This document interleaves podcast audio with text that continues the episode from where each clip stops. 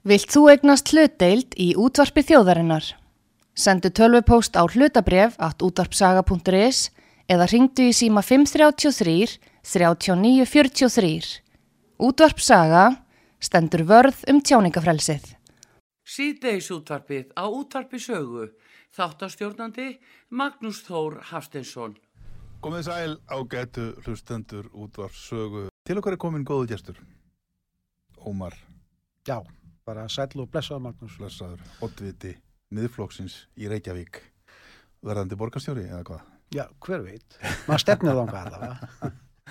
Þú hérna, þú komst til mér um daginn Já, og uh, hérna kynntir þið þá og uh, svo ég ætla að fá þig enga aftur núna til að hérna tala við þig meira um pólitíkina og hérna fara yfir svona helstu stefnumólin hjá ykkur Ómar Már Jónsson fyrirverandi sveitastjóri í Súðavík. Hún er búin að vera íbúi í Reykjavík til fjölda ára. 20 ár. 20 ár, samtals. varst í pólitíkinu fyrir vestan bara svo við förum stuttu við sögu. Já. og stundar þar stjórnmálastarf hefur reynslu af stjórnstíslu hefur reynslu af sveitastöndamálum uh, ert með bakgrunn sem sjómaður uppaflega Já, skipstjórnaréttindi og var lengi í stýrimar og tórum. mm og hefur síðan uh, já þú varst lengi á sjó lendir meðal annars í snjóflóðinu í Súðavík á sínum tíma Já, sem við, var mikil lífsreynsla já, það var mikið lífsins. Við vorum statið bara fyrir utan höfnina og, og það er einhvern veginn þannig þegar maður fyrir pólitíkina þá er flett alveg utan að manni og, og skoðað hvaða maður kemur og fyrir hvað maður stendur og ég var einmitt í viðtali í gær þar sem var að rifja þetta upp já. allt, uh, allt þarna í kringum snjóflóðin sko hvar byrtist það viðtal? Það var í mannlíf. Mannlíf, er Já. þá sennilega á mannlíf.is vefnum er á mannlíf.is og, og, og ég áttaði mér nú ekki á því fyrir þá í rauninni sko að því að hún gekk aldrei nærri mér í að spurja um minn þátt uh, á þessum stað á þessum tíma. Og, en ég var stýrimár á Bessunum og við vorum að fyrir utan og, og, og tek þátt í þeirri atbyrður á, á sér stað í sjálf og sér bara strax á morgunin þegar ég kem í land. Þegar, þegar við komumst í land vegna veðus og uh, þá fyrir ég að huga náttúrulega, mínum nánustu og, og þetta, voru, þetta, voru, þetta var tími sem mótaði manna miklu leitið sem einstakling. Mm vegna þess að þá áttaði maður sig á rauninni hversu, hversu lítil megnugur maður er uh, í, í, í samanburði við náttúruna sjálfa. Og, og, og, og það, var svona, það var sína ákveðna auðmygt uh, og líka það sko þegar maður að hugsa um uh, betur að, að sko að nýta hver dag. -hmm. og, og, og hver dagur er ekki sjálfsæður hlutur. Nei, og maður þurfti píndið að svona endur skipuleggja sig. Og fyrir hvað maður stæði og hvert vildi maður stefna Já. eftir þetta, þessa, þessa lífsreyslu og svo lendur náttúrulega í því að vinna úr þessu raun og veru með þínum sveitungum. Já, og ég eh, sem hefur nú verið ekki verið neitt smáraðis mál að komast yfir bæði sorgina og, og hefja síðan endurreisnina og, og allt það. Já, vegna, já, það er alveg verið ég hérna uh, held áfram í, í nokkur tíma þarna á sjónum eftir 95 snjóflóðin og en svo fer ég uh, til Reykjavíkur og menta mér meira og og stopna svo fyrirtæki framhald að því. En svo 2002 þarna þá, þá er auglýst eftir starfi sveitastur og ég sá þetta svo skemmtilegt verkefni. Mér langaði svo að fara tilbaka og að taka þátt í að byggja upp nýtt samfélag á nýjum grunni innar í fyrðinum og líka að, að, eh, að leiða svona uh, íbúana og byggðina í átt að bjartari tíma Mhm. uh, þar sem að auka tiltrú íbúana á framtíðinni og taka þátt í að, að, byggja upp samfélag sem að hafði verið mótað þarna einar í fyrðinum. Já, Þannig að þetta allt eh, var mikil lífsreynsla í minn banka.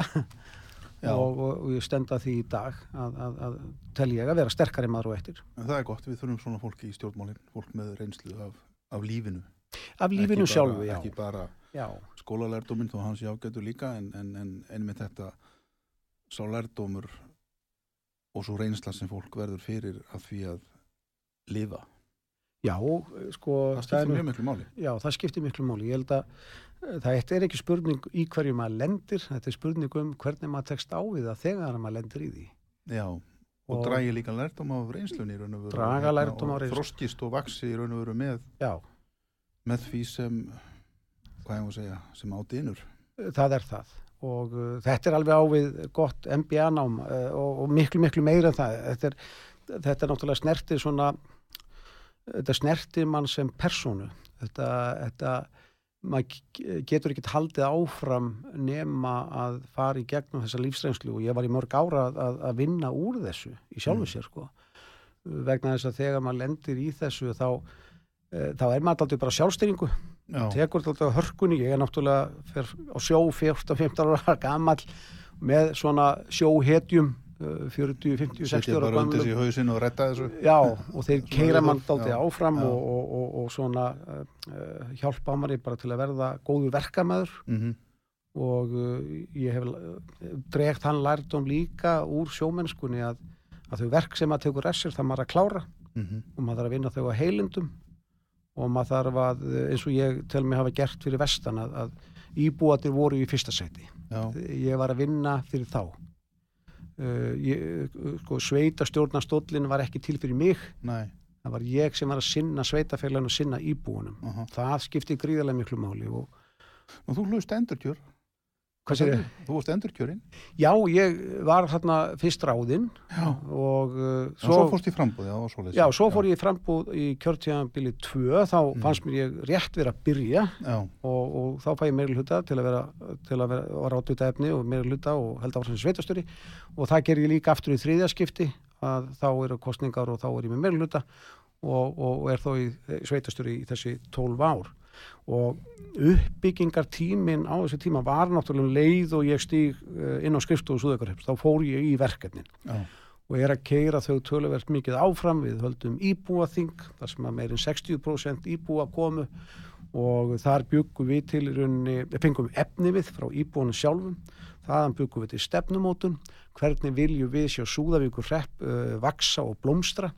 Og síðan heldum við áfram á fullur í kistlu sem gekk mjög vel svo heldum við stöðufundi með íbúanum til að segja hvað tókst og hvað tókst ekki og hvar við erum stödd já, Þannig íbúatin voru með okkur í öllum þessum uh, framkvæmdum, þessu stóra verkefni sem var.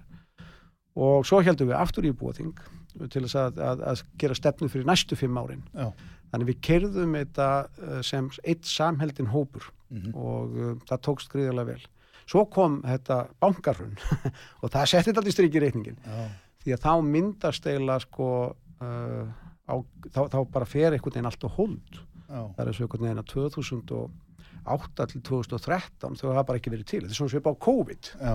Eh, þannig, það, já, það já, gerðist og lítið sko. rétt, sko, það var allt já, en svo fann ég það bara, eins og við tölum um síðast að nistin var aldrei farin þarna 2014 eftir þrija kjörtíðanbíli og þá fann ég það sko, ég, ég hefði getur verið áfram, hefði ég beitt mig fyrir því en, en ég vissi það að sko minn tími var komin þarna. Já.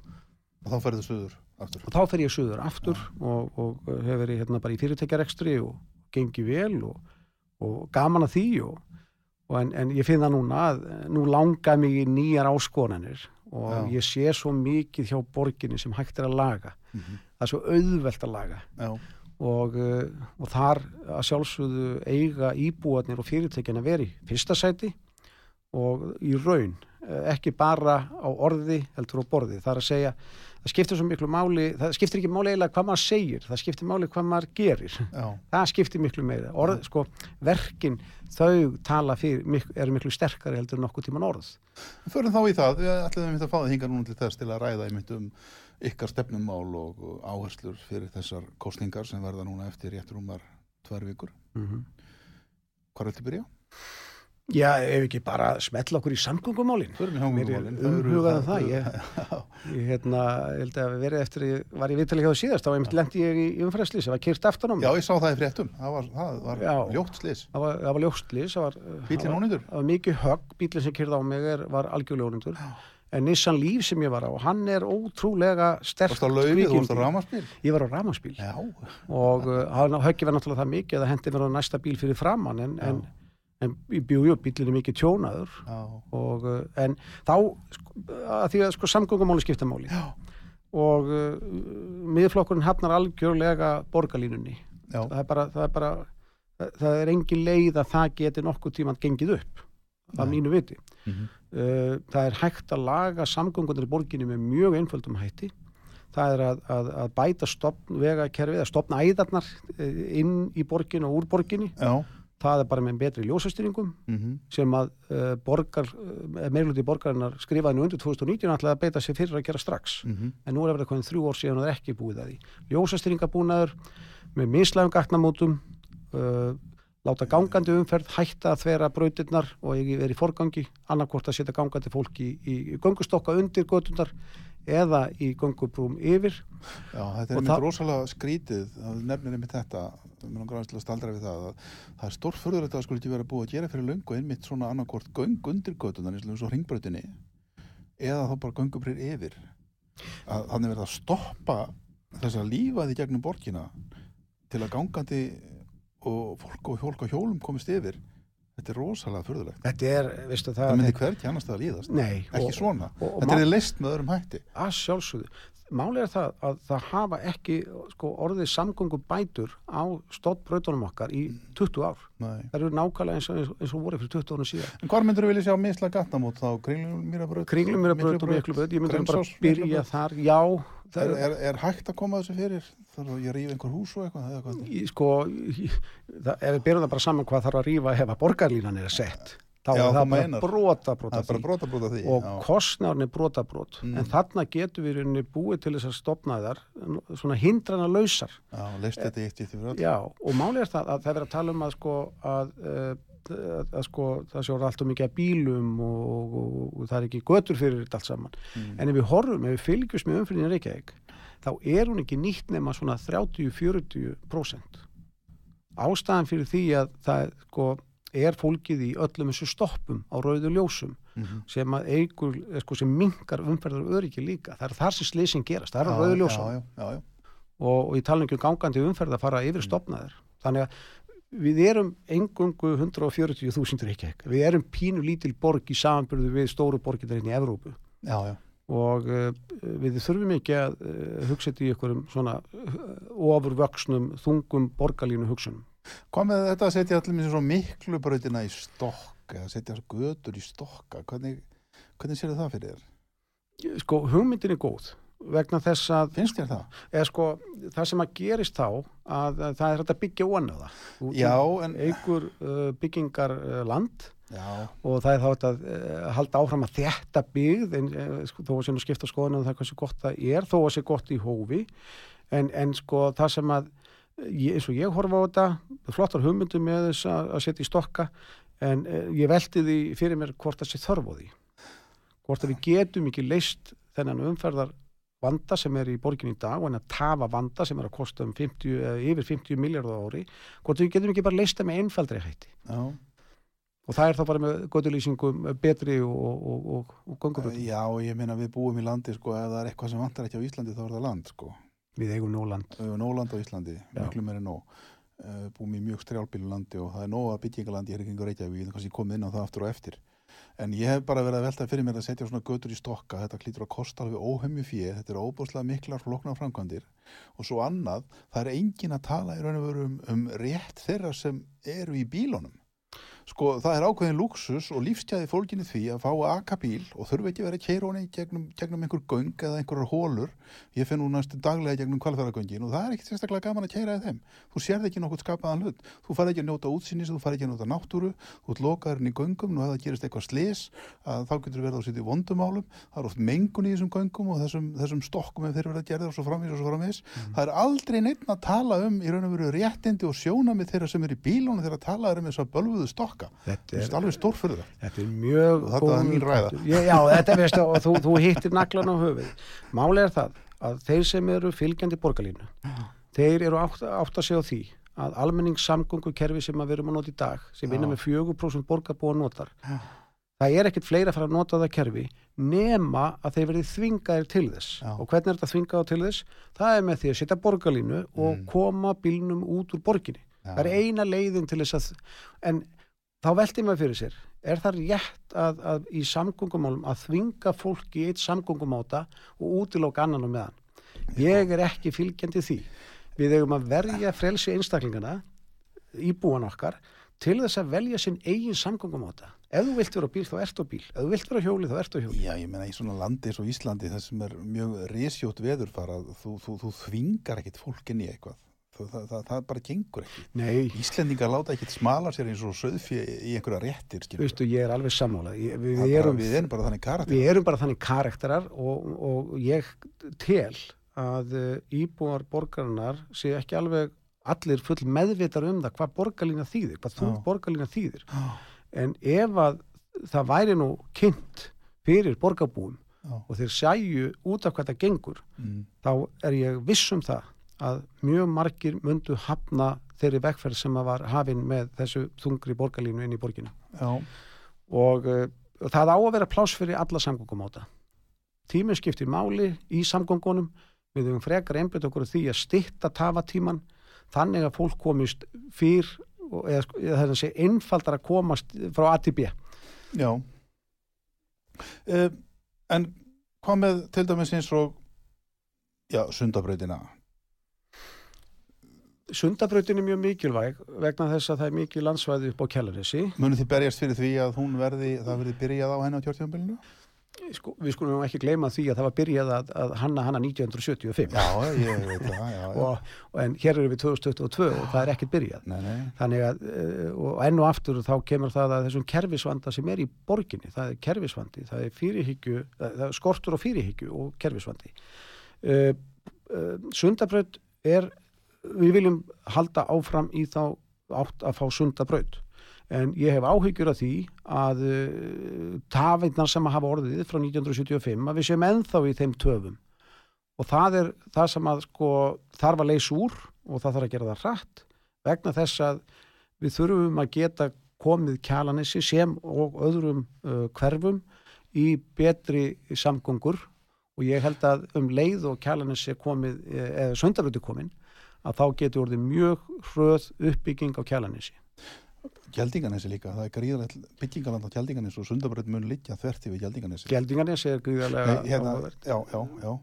Já, og Guðunessið. Guðunesið, Já. ég meina, sundabrautin, ef það verið farið að leggja hana og verið byrjað á henni til með sunn frá og farið upp á Kjalanesa, þá náttúrulega opnar það sjálfkrafa á mikið byggingaland eins og þú bendir á. Mhm. Og en eins og ég segi og spyr, munu þið halda því á lofti að það verði haf, haf, framkvæmdir verði hafnar á þessu kjörtímabili. Algjörlega. Já. Við verðum að gera það. Mm Við verðum að, að, að, að koma e því í verk því að það er gríðarlega mikil samgöngubót og ekki bara fyrir borgarbúa. Það er líka fyrir þá sem er að koma út á landi og, og, og er að koma í bæin og þá sem er að fara út á land. Já, Þetta vegalengdina ósköp, gríðarlega. Þetta eigur líka umferðaröryggi alveg gríðarlega sundabreytin Mhm. og mér eru mjög umhugað um umferðaröryggi í bænum.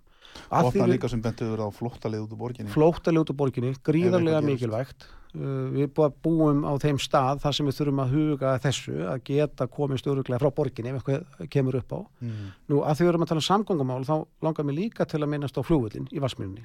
Já, ekki glíma á Uh, það. hann er, uh, ég, sko, þetta er aldrei sérstakt, að það, nú, fyrir síðustu kostinga var uh, sérstakur, uh, hérna, uh, mikið í pólitíkinni umræðan um að venda flugvöllin Mm -hmm.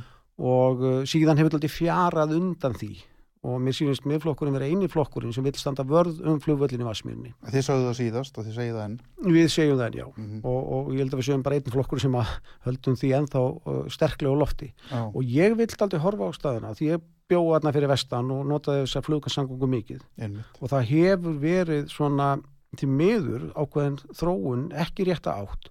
Við höfum séð í rauninni flugfaraldgjöldin hækka, nýtingin er að minka og uh, þannig að þannig að sko uh, ef við bara horfum á þetta eins og þetta er þá tel ég að þetta sé í rauninni síðasta, eða sko síðasta uh, tímabilið, kjörtímabilið sem við getum í raun snúi við þessari þróun að stöðva það að Reykjavíkulflugullu fari úr Vassmjörni sem er búin að vera vilji meiri hluta borgarinnar í síðustinu allavega hvað, átta ár eða lengur. Þú, átt, 12 þú ert að segja að það er raun og veru að ef þessi meiri hluti haldi áfram að þá muni honum takast að reykja smiðsökið á Já. það að völlurinn fari úr vassvíri og það muni bara rísa hverfi Þá er flugvöllunum farin. Þá er að er hann bara farin og það sem að gerist þá, þá fer hann sennilega til keflaugur Mhm. og það sem gerist þá, að, það sem ég hef áhyggjur af, það er bara flug, innlandsflug muni að stóru hluta leggja staf. Já, vegna þess að sko þú ert að auka aftur enn og aftur tíman sem það tekur ef þú kemur frá Ísafjörðið Akureyri ef þú þarft að fara, lendi í Keflavík og fara í gegnum allt kerfi þar til að komast út úr flugstöðinni mm og fara svo að keirin í bæinn þá ertu búin að lengja tíman svo svakalega að Já. þetta er orðið miklu nærði er ekki bara einfaldra að keira og uh, þannig að sko við, ég held að við verðum bara að gera grein fyrir því að ef að ekki verði sko stoppað núna þessi allaga að innanlandsfluginu að þá getum við hort á hérna ekkert eftir mjög langa tíma að, að innanlandsflug að mestu leiti leggist af á Íslandi Þessi, einmitt þetta, innan hans leggist af á Íslandi eða farið til Keflavíkur, þetta er nú svona öðrum þræði sko, má segja að þetta sé atlaga að atvinnulífi í Reykjavík. Því að það er náttúrulega engin spurning að þessi flugvöllur, hann skapar mörg störf, þjónustegi kringum hann annað þess áttar og kannski líka uh, stöðlar að því að fyrirtæki eru staðsett einmitt í Reykjavík vegna þess að þau hafa innanlandsflugvöllin hérna mjög nálat sér stíluru geta þar að leiðandi sitt þjónus út á landi auðveldlega og annað þarfandi gottunum. algjörlega og, Og mér langar einmitt þá í framhald að því, ég mitt nefna það við því að spyrja það út í það, hafið þið eitthvað velt ykkur fyrir því einmitt sko þróun atvinnulífs á höfuborgarsvæðinu? Við sjáum að það eru fyrirtæki að fara úr borginni og stopnanir líka og hafa svona stofnun komin söður í Hafnafjörð, nú er ekki fluglegar að fara uh, söður í Hafnafjörð líka, Mhm. uh, fleiri fyrirtæki sem að fara í Kópavog og svo framvins og framvins, fór ekki tryggingastofnun jú, uh, og það má lengi telja, Mareli komið í Garðabæ og já, jú, jú, þetta er rétt. Og það sem að maður hefur hort á bara hjá borginni hvar eru uh, varnarskildirnir uh, gagvart því að halda fyrirtækjum Já, maður heyrir aldrei neitt borgarfullur á berja Nei. í borðu og segir nei, kemur ekki til mála. Þessi stofnun, hún á að vera reytið það er enginn sem tekur upp þetta merki. Nei, og það er enginn sem er í rauninni að hvetja til atvinnustar sem í Reykjavík.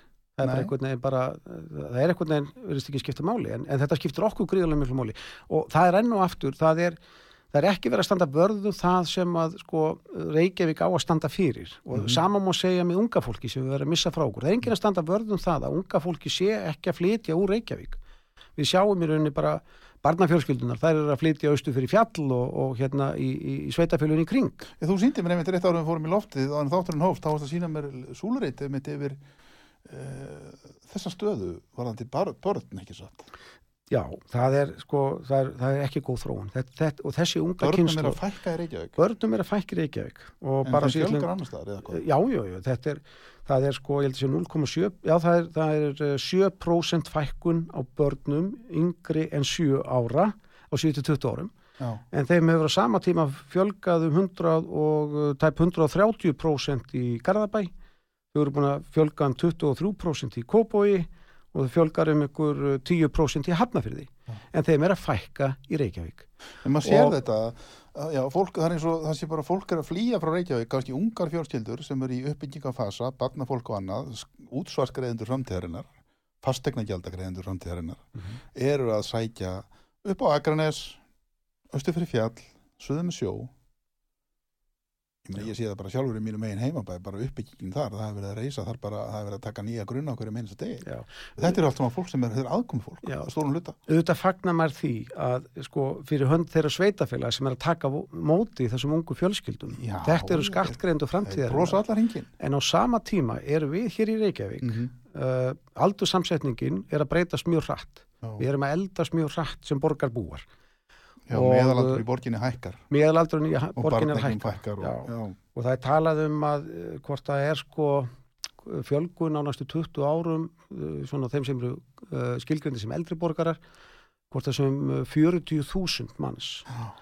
á sama tíma okkur fæk, eða sko að ungu uh, fjölskyldunum fækkar en þá erum við að, að, að okkur fjölgar gríðalar hratt sem erum svona komin yfir eða erum að nálgast eftirlunaldur eða komin á eftirlunaldur og þá spyrir maður hvernig á samfélagið að verða heilbrygt Mm. ef ekki er hugað betur að þessum þáttum ég hef áhyggjur af þessu og en það er hægt að breyta þessu Við skulum koma inn á það, þetta er nefnilega mjög mikilvægt. Við skulum taka þetta núna eftir auglýsingalíu.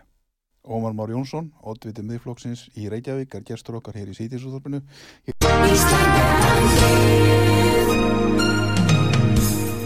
Styrtareikningur útvarpsögu í Íslandsbanka á Granda.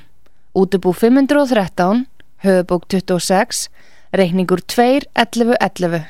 Nánari upplýsingar á útvarpsaga.is. Takk fyrir stöðningin. Þetta er Magnús Þór, við komum aftur eftir smá stund.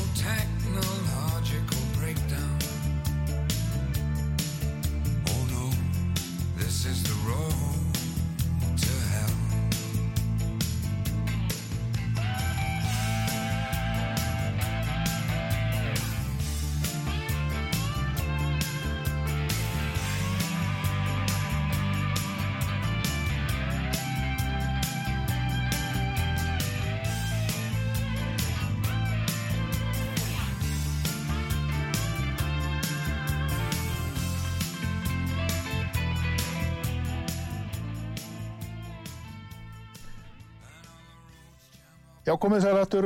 Nú tókst okkur að spila rétt lag heiti Magnús Þór Haftinsson og við vorum að hlusta á Chris Ria flytja lagið Road to Hell. Hjá okkur er Ómar Már Jónsson. Hann er um, oddviti miðflokksins í borgarstjórnarkostingunum sem verða núna eftir rúmlega halvan mánuð, 14. mæ. Ómar, við vorum að tala hér áðan um unga fólkið og þetta að um, ja, börnum veðist reynilega að fækka í borginni. börnum er að fækja í borginni og það er áhyggjefni en eh, sko það er nú einhvern veginn þannig, við getum ekki breytt því sem líðið er. Nei, nei, En- en, en við getum haft áhrif á hvernig framtíðin verður. Hvernig viljið þið breyta þessu snúa, hvernig viljið þið snúa þessari þróun við? Að það er að segja að unga fólkið verði áfram í borginni, þetta er, þetta er framtíðin. í stuttum máli má segja það að þetta er, þetta er skortur og fyrirhyggju hjá borginni og, og nummer 1, 2 og 3 það, það er þar sem að sko brestin hafa verið. Já. það er ekki þessi langtíma hugsun það er ekki skipulagt til lengri tíma og, og reynd að þróa borgina í takt við bara samfélagslega breytingar sem er eiga sér stað. Og við getum byrjað til dæmis á fastnamarkaðinum að uh, hann er í algjöru óefni. Það er ekki tækt fyrir ungt fólk að koma sér þakki yfir höfuðið uh, á eðlilegum forsendum vegna þess að, að íbúa verði bara orðið allt og hátt. Það kom úr öllu það er bara ekkert, það er ekkert eðlilegt við fastegna verði í Reykjavík lengur. Mm -hmm. það er hvergi hækkað eins mikið á byggðu bóli vill ég meina eins og hér í Reykjavík. Og uh, þetta er svona vandamálum reitt og, og bara unga fjölskyldu komast ekki inn á hana fastnemarkað nema eiga efnaða foreldra sem geta hjálpað þeim eða uh, það flýtur úr bænum. Svo er það náttúrulega leikskólanir að vera uh, búin að vera með uh, sko byðlista á leikskóla í Reykjavík í 20 ár. Mm. Það er bara með ólíkindum en á sama tíma og börnum er að fækka. Það Já, er bara skilja Það er afreg út af fyrir sig. er af fyrir sig. Og uh, svo má nefna uh, meira sko, það, þetta er í skólakerfinu. Við erum að sjá það að, að, að börn sem eru svona mögulega með einhverja greiningar í leikskóla að uh, það er farið með það eitthvað ferli og uh, það tekur þrjú, fjögur ár að fá einhverja greiningar á barnið og þá fyrst er fara hægt að huga því að, að byggja utanum það, sko að halda utanum það og, og styðja barnið í skólakonginni og börn sem eru á, á leikskólaaldri þurfa á greininga að halda, eru svo með einhverja greiningar, þau eru kannski búin að vera 2-3 ár á, í grunnskóla þegar að, það kemur svo aðstóð sem að þörfir á. Mm. og þetta er unga fólkið ekkert að sætta sig við. Það horfir til þess að geta farið sko uh, út úr Reykjavík, því miður inn í nágrannsveitafjölu eða letur lengra, ekki býð að komast á leikskóla, að be- haldur bet, eh, betur haldið utan um börnið þeirra. Og uh, komast í fastegn sem er á, á, á, á komar að segja, hólegri verði þó þetta hafi nú hækkað uh, víða allstaðar A- sem, sem er hækkað allt og mikið allstaðar og, og, og af hverju er það? Ég vil meina það að, að það er svona heimatilbúin vandi vegna þess að þegar eftirspurnin er meiri frambúðið að uh, þá eru aðilar sem geta nýtt sér það ástand. Og það er til dæmis svo þeir sem eru bara byggingaræðilar Já, ég held að hafi aldrei, ég er búin að vera að kynna mér þetta þeir sem að, uh, eru í byggingafrænkvæmdum að byggja íbúðarhúsnæði fyrir venjulegt fólk að þeir hafa aldrei séð jafn mikla framleið eða jafn mikinn hagnað í sínum byggingum og það er áhyggjuefni líka að uh, þeir eru að stórgræða á byggingu. Þeir eru að stórgræða. og það er alltaf einhvern veginn þannig að uh, þegar ykkur tapar þá græðir ykkur. Já, og í þessu tilfelli þegar að svona fastnabóla eins og er núna þá eru tveir aðeins sem græða mest. Það er Mm. borgin mm í gegnum fastnagjöldin sem hækka og hækka hækka og hækka já, já, og, og, já, og síðan eru það byggingaræðlarnir Mm. sem eru farin að taka allt og mikið út úr byggingunum sínum þetta er að valda þessu ójadvægi á markaðin Ertu þá að segja að þetta sé einhvern konar svona eitraður kokteil að hérna uh, borgin hún tjenar á þessari bólu í gegnum fastegnagjöldin sem það sér meiri tekjur því að fastegnagjöldin hækka með hækkandi fastegnamati og þar alveg þá græðir bókin á, borgin á því að viðhalda lóðaskorti, króniskum lóðaskorti. Rétt. Að hún, sem sagt, það er, það er, það er núverandi borgameirluta í hag í raun og veru að þetta ástand sé svona þó að það geti orðið okkur öllum mjög dýrtjeft til dæmis núna ef það, já það er mikið fólki sem er kannski búið að skuldsetja sig mjög mikið í verkefðum lánum til að eignast húsnæði og Já. það er verðbólgu einhver, það er einhver bylgja á leiðinni, ég meina verðhækkanirnar, það er, er ekkert láta á þeim. Alveg réttu þeir og það sem er að gera svo í heimi í bandaríkjónum og hérna í Evrópu flutningskostnar og annað, þetta á eftir að enda hérna heima hjá Já, okkur. ég er að minna sko, þetta Og- geti endað sko, þannig kannski búið að sko búa til í raun og veru sko vandamál fyrir okkur öll þar að segja þessi stefna.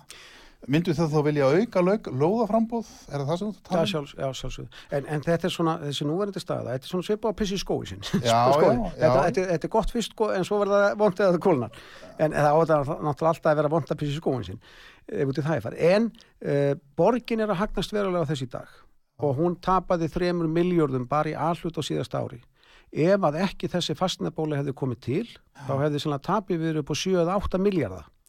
Þannig Já. að borgin er í rauninni að hagnast verulega á þessu. En það er alltaf A-hlutin er rekstur borgarinn A-hlutin er, er, er, og er rekstur, fara já. skattpenningarnir. Já, þangað Já. fara útsvarstekjurnar og fastinagjöldin og svo eru skólanir reknir í alhlutunum Já. og, og svona þjónusta borgarinnar.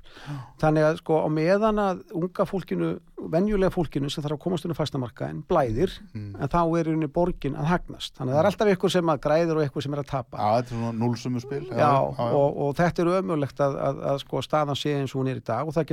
í tíma að komast út úr þessu stöðu. Mm. En uh, hver eru laustundar? Það þarf í rauninni að segna meiri fyrirhyggju. Það þarf að skipulegja miklu lengra frem í tíman og það þarf í rauninni að vera með sko, miklu einfaldara stjórnkerfi til þess að geta útluta lóðum hratt og öruglega þegar á þarf að halda. Þá, þá er hálfpartin að vera með lóðir eins og bara lagar. Það er eiginlega sko í öllum svona þróuðum borgum Mm. er í rauninni sko verið að skipuleggja sko langt á undan.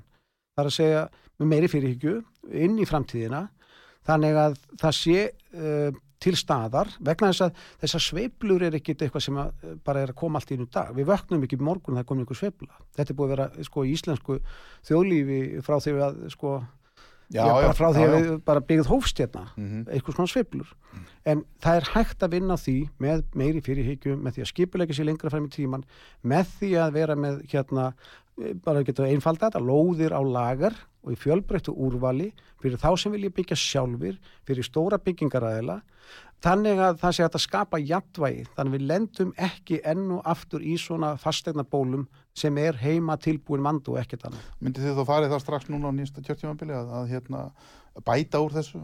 Að, að, að, að opna á nýtt byggingaland bara?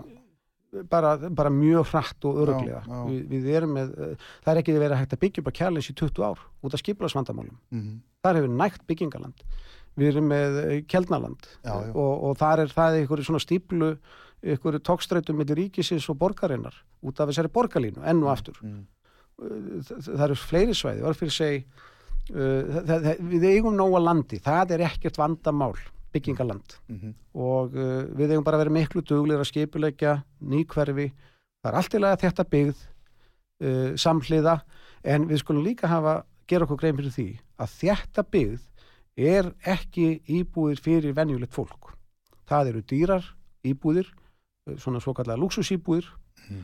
og unga fólki er ekki að fara í þær. Unga fólkið er að leita eftir ódýrari, hagkvæmari íbúðum og það er allt í lagi þótt að sé öllíti fyrir utan miðborginu Já, ungt fólk kannski, því þykir kannski ekki verra að vera einmitt í svona aðeins fyrir utan, uh, það er með ung börn og annað og, og hérna það hefur svona ákveðin lífsgæði að vera hálft ykkur út í sveit líka. Vistu það er lífskeði, ég get alveg Ah. tekið undir það að hafa búið á, fyrir vestan sko, og í með nánast sko. og svona sko. Já, og líka sko, hef ég áhyggjur af því hvað er að gerast í, í miðbænum. Uh, við erum við erum að horfa á nætulífið og, og, og allt Já. þar fara í gang núna eftir COVID uh, veit, skemmtistæður opnum til hálf fimm á nóttinni og það verðist alltaf að hafa glimst að uh, miðbærin er blöndubyggð Mm. og uh, það er fullt af fólki, bara venjulegu fólki og barnafjölskyldum eitthvað er að barnafjölskyldum sem búa þar en svo eldri borgarar líka Mm. og þetta er fólk sem þarf að geta sofið á nóttinni Jú, jú, ég var með vitali hjá mér í gær Hannes Sigursson sem hefur búið til áratöga í miðborginu og hann var að lýsa þessu og, og þetta virðist vera mjög slemt ástand ég er bara hvetlu stendur til að fara inn út á saga.is og hlusta á þann þátt eða vill, ef það heyrði ekki þáttin í gær Hvað myndið þú vilja gera þessu? Hvernig er þetta að leysa þetta? Ég, að, ég held að vandin sitt alltaf fólkin í því að við, við höfum alltaf verið mjög gestur í sín við viljum taka móti, vel og móti okkar gestum. Já, og ferðamenn eru hérna uh, Reykjavík er einn heitasta borg í Evrópu. Já það er er ekki sérstaklega góð auglýsing sko að til dæmis þessu hótelin þurfu ofta að endurgreiða gestum sínum vegna þess að þeir hafa ekki getað sofið fyrir háa já, ég, veistu það Þetta er ég, ekki sérstaklega góð landkynning.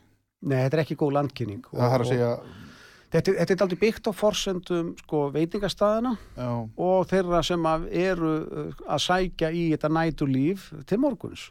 Já. Og þetta er byggt á þeirra forsendum. Mhm. þetta er ekki byggt á forsendum íbúana sem búa niður í bæ eða þeirra sem vilja reynlega fá svefrið já, eða þeirra sem vilja fá svefnið ég, ég held að, og ég var að byggja, ég var svona með vonir um það að í COVID, þegar að til dæmis að veitingastæði lokuðu klukkan 12, að við myndum taka upp betri hegðun, eh, við getum Já, orðað sem þannig, já, kannski verður einhverjir fúl út í, út í að segja þetta svona en, en það er mjög víða að það er þekkt að, að, að skemmtanlífið er kannski að byrja klukkan 6 á kvöldin og það er búið á miðnætti, þá er allir búin að fá nóg. Og þá er dagurinn eftir bara í góðu lægi sko. Mhm. Uh, ef að við viljum og það er alltaf lagi að vera með fjölbreytni í þessu sem og öðru að þá er það þekkt að, að, að, að, skemmti staðir, nætu staðir sem vilja hafa opið eh, sko fram á morgun þá að vera á þeim stað þar sem það er ekki að trubla uh, þá sem vilja sofa á nóttinni. Já, og í, ég meina það er þekkt að, að, að, að slíki veitingastæðar hafi verið settur upp í innakverfum eða við höfnina, eitthvað staðar það sem er Nei, skrifstofu hverfum bara, það sem er Skrifstofuhverfum. atvinnu, atvinnulífskverfum, það sem er ekki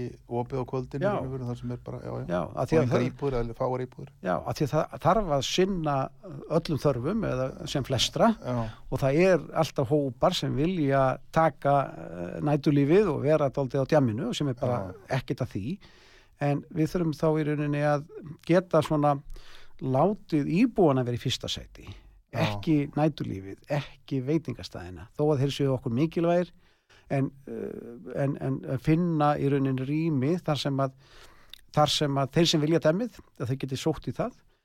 En, en veitingastæðir til dæmis í miðbænum uh, þeir að sjálfsögðu vera þar en þá er það bara þessi háa takmarkun eða þá að loka fyrr á, á nóttinni. Mhm, mhm.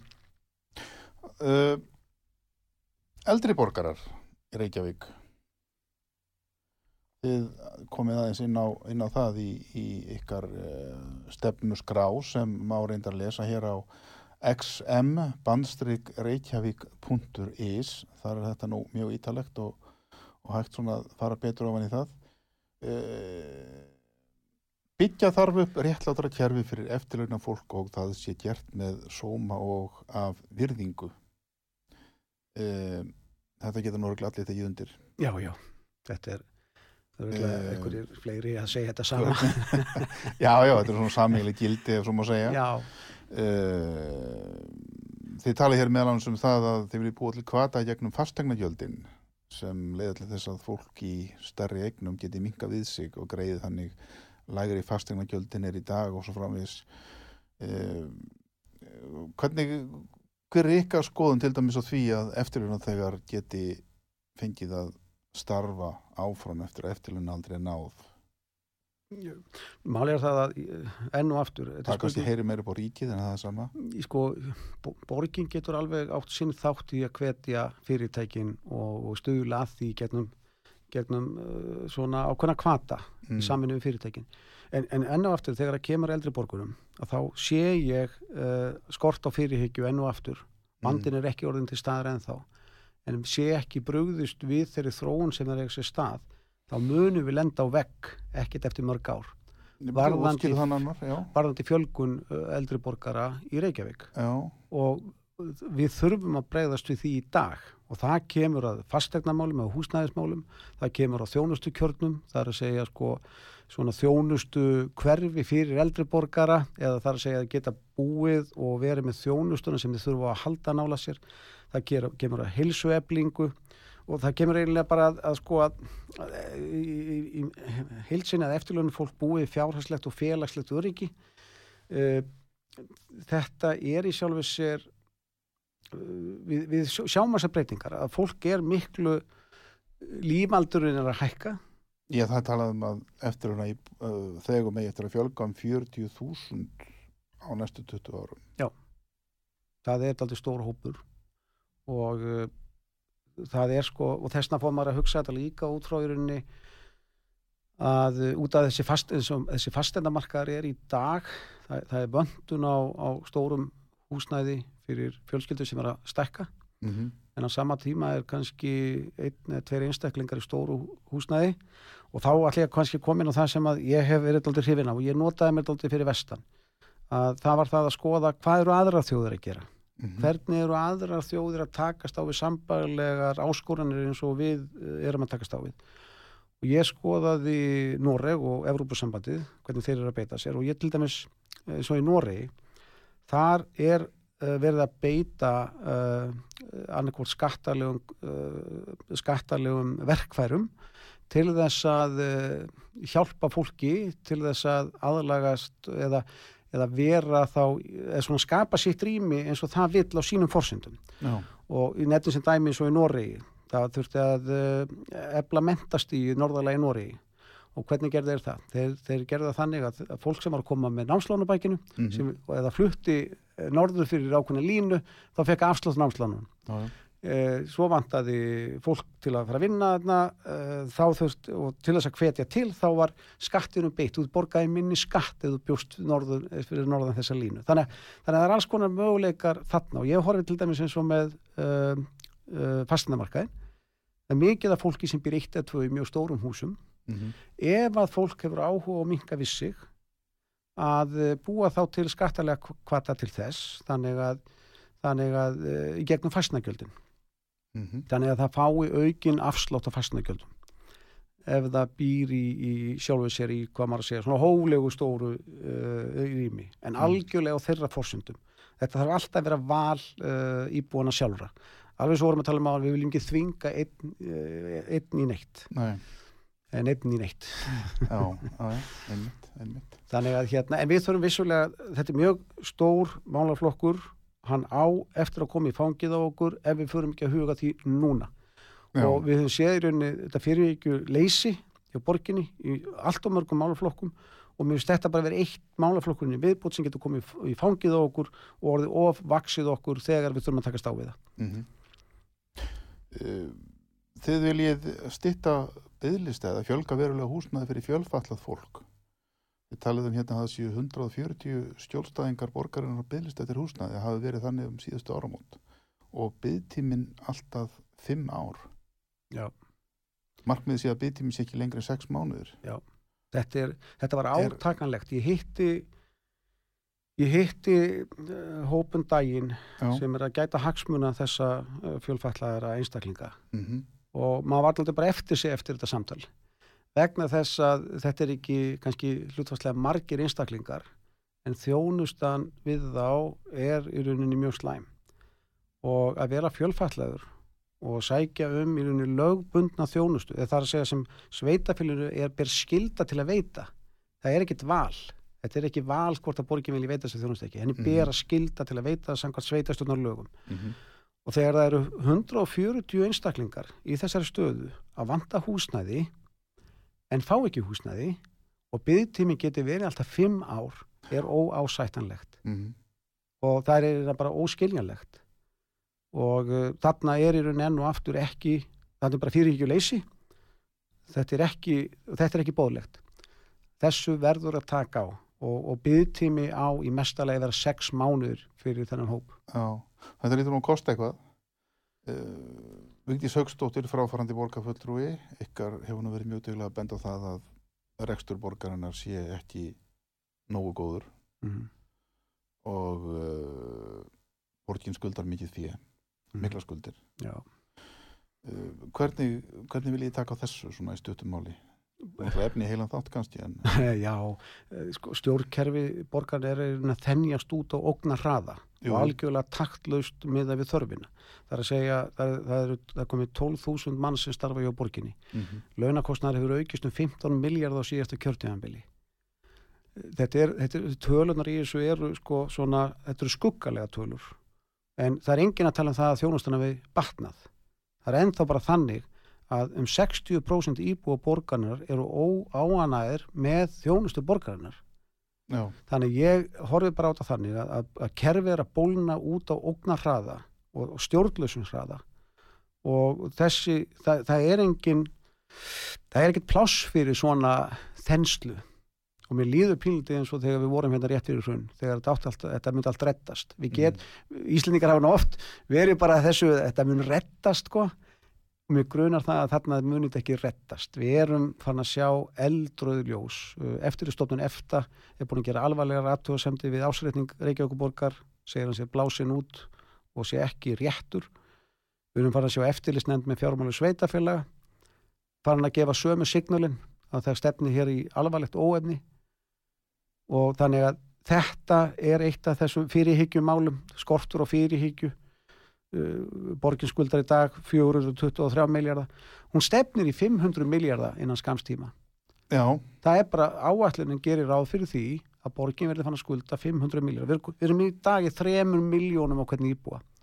3 miljónum hvert einasta bad sem fæðist í Reykjavík það skuldar 3 miljónir hlutfærslega langmest í öllum sveitafölum á landinu. Já. næstir, næstir held ég að sé Mósvilbær með 1,5 miljón Mm. Kópóri með eitthvað 700 skall og hvernig íbúa. Þetta er orðið algjörlega stjórnlust. Já, þið segið við verðum og ætlum okkur að stöðva skuldasöfnun borgarinnar upprópunamerki. Já. Vi, En, en, en sko, ég, ég, það er eitt sem ég langar til að segja í þessu sambandi. já, Eh, þegar að bankarhunnið skalla á okkur 2008, mm þá kom í ljós að sveita uppfölugin voru með öllu eftirlislaus. Það var, Já. ekki, það var engin að líta yfir öxlin á þeim og hugaði hvort þau væru að gæta sín í fjármálum. þú þekkir það sjálfur. Ég þekki það sjálfur. sjálfur var- ritstjóri, Já, þetta eru lög sem er settur í 2011 Mm, og ég man eftir því þegar ég fekk þetta inn á borð til mín, ég tók þetta mjög alvarlega mm, og ég fór strax að skoða hjá okkur, hvað stöndum við?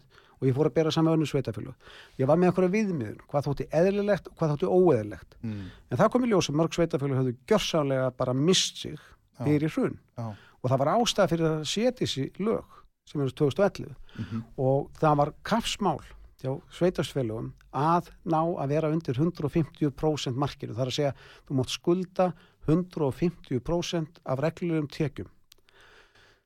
Síðan uh, gerist eitthvað, ég er ekki ennþá búin að átta mig á því. Að 2018-19 þá er þessu laga þess, þessum lögum þeim er kipt úr sambandi. Mm, þeim er kipt úr sambandi með öllu.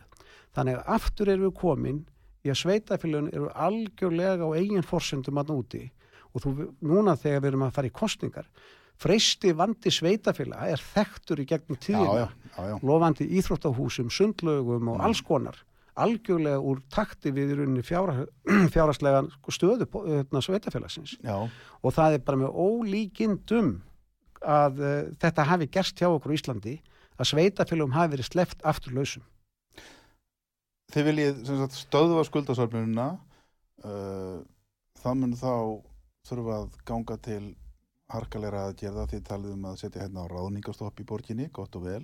Það mun kannski spara eitthvað en sjáumsagt ekki nóg. Uh, það verður kannski líka að reyna að auka tekjur. Það þarf einhvern veginn að gera þetta sjálfbærar ekki satt? Stöðva skuldasöfnuna, borganuðu skuldir auka tekjur, reyna að sækja peninga einhver staðar.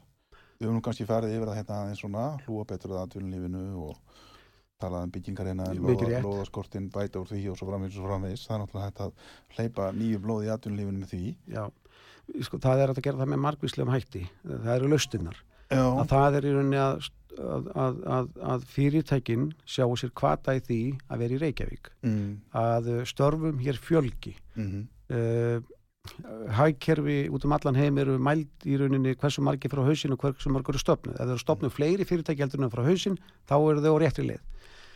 Við þurfum í rauninni að uh, já, unga fólkið það uh, hætti að fara úr borginni, það uh, velji það að vera hérna. Við þurfum að fara í gegnum starfsmannamálborgarinnar. Það þarf í rauninni algjöru uppstokkun þar. Verja, verja grunn þjónustu borgarna, gagvart íbúum sínum. Það skrifti gríðarlega miklu máli og uh, það, það, það er svo margan hátt að taka. Sleppa öllum þessum gæluverkefnum. Bara hætta þeim. Það er engin, það er ekkert pláss fyrir einhver gæluverkefni. Hvað er gæluverkefni? ég nefnum að horfum eins og Bragginn. Hann átti að kosta 157 miljónir hann fór í Já. halvan miljard, hættum þessu. Við höfum ekkert efna á þessu. Seljum fyrirtæki sem er í samkeppni út af einum frjálsa markaði Þið viljið selja Malbringun og stöðuna? Málbyggunastöðun algjörlega já Einhver fleiri? Það þarf að skoða það gagnaveituna ég hérna eh, svo náttúrulega það, það svo- er borgin líka með ábyrð gagvart fyrirtækjum sem hann á hún þarf að sko sjálf að fara inn í þann rekstur og, og sjá hvort það sé að gera betur Þú talar um, um, því tíma okkur er að vera að þrótum enn og aftur ætla að spyrja þig, þú talar um gæluverkefni hvað þá með hennar þjóðaleikvang sem margir eru að tala um núna þið viljið fara í hann, er það ekki gæluverkefni? Þjóðarleikvangur það er sko þetta, er- þetta er búið að vera á tekniborinu mjög langan tíma. Já, og uh, þetta er í sjálf og sér núna eru uh, borgin og, og, og stjórnvöld að kasta þessu bolt á milli sín. Það vil enginn taka hann. Nei, eðlilega, Og- hvað mun þetta kosta? Þetta er Þetta- einhver, einhver x miljardar 12-15 miljardar ef þetta er í svona það mun allir þjóð- hörpunni og hún já, er ennþá badja á okkur. Já, síðan eru hugmyndir um minni eh, minni vettvang eða minna hús sem getur þjónað flestum þessum markmiðum sem er verið að reyna að stefna það er að bæta æfingaraðstöðu og uh, að því að íþrótta yðkun hefur aukist skrýðarlega í Reykjavík og uh, húsnæði er, er sprungið, það segja að það vantar meiri pláss, þannig að þetta er samtal sem þarf að taka, við viljum þjóðar höll, við verðum einhvern veginn að komast tangað en það þarf að eiga sér uh, stað það samtal í samstarfi við, við ríkið Reykjavíkuborg ber vissulega ábyrð á því að koma að því verkefni en, en uh, mér finnst það að vera í hnút eins og það er í dag. Þið viljið, þjóðar höll þið eruð ekki að tala um þjóðar við leikvang erum ekki að tala um þjóðuleikvang nei, það þjóðar það höll, þá annað. er þá einhvers konar og allusöll en, en fyrst og fremst þá vantar okkur meiri sko, aðstöðu fyrir íþrótta yðkun það Mhm. er stóra málið.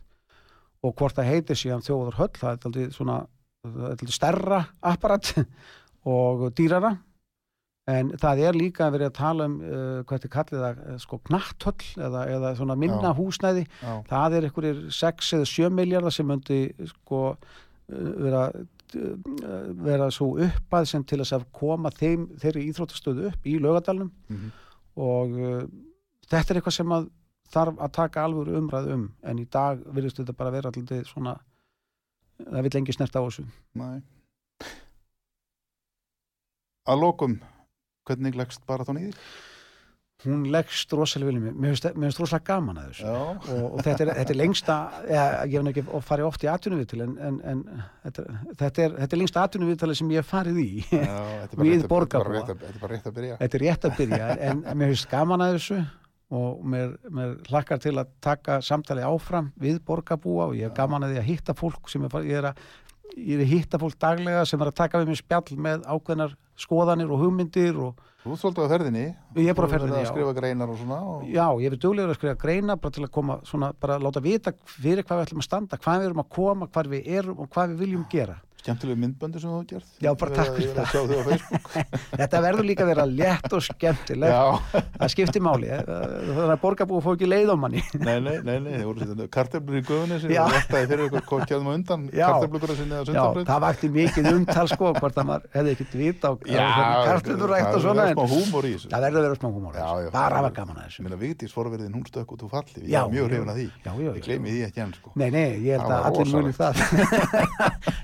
er það það er- hún er Það það. Einmitt að sko, flugvallavinir. Þá var hún að voru að venda flugvall. Og gerði það með stæl. Virkilega. Einmitt það, já, Ómar Már Jónsson Ottviti miðflóksins eh, Takk fyrir komuna, skemmtileg spjall Takk fyrir að taka um mótum. og við hvetjum bara hlustundum til að fara inn á heimasíðunni hjá okkur xm bandstrik reykjavík.is þar getur það að skoða málefnum og fylgst með fréttum og, og svo framvegis og svo eru einhver Facebook síða og eitthvað Já. Ertu á Instagram? Já, já, Instagram, Já. Twitter, Facebook, allstað. Allt lagt undir, já, já. já. flott, glæsilegt, gandið vel. Takk fyrir það. Góður hlustur, takk fyrir að hlusta, ég heiti Magnús Þór, verðið sæl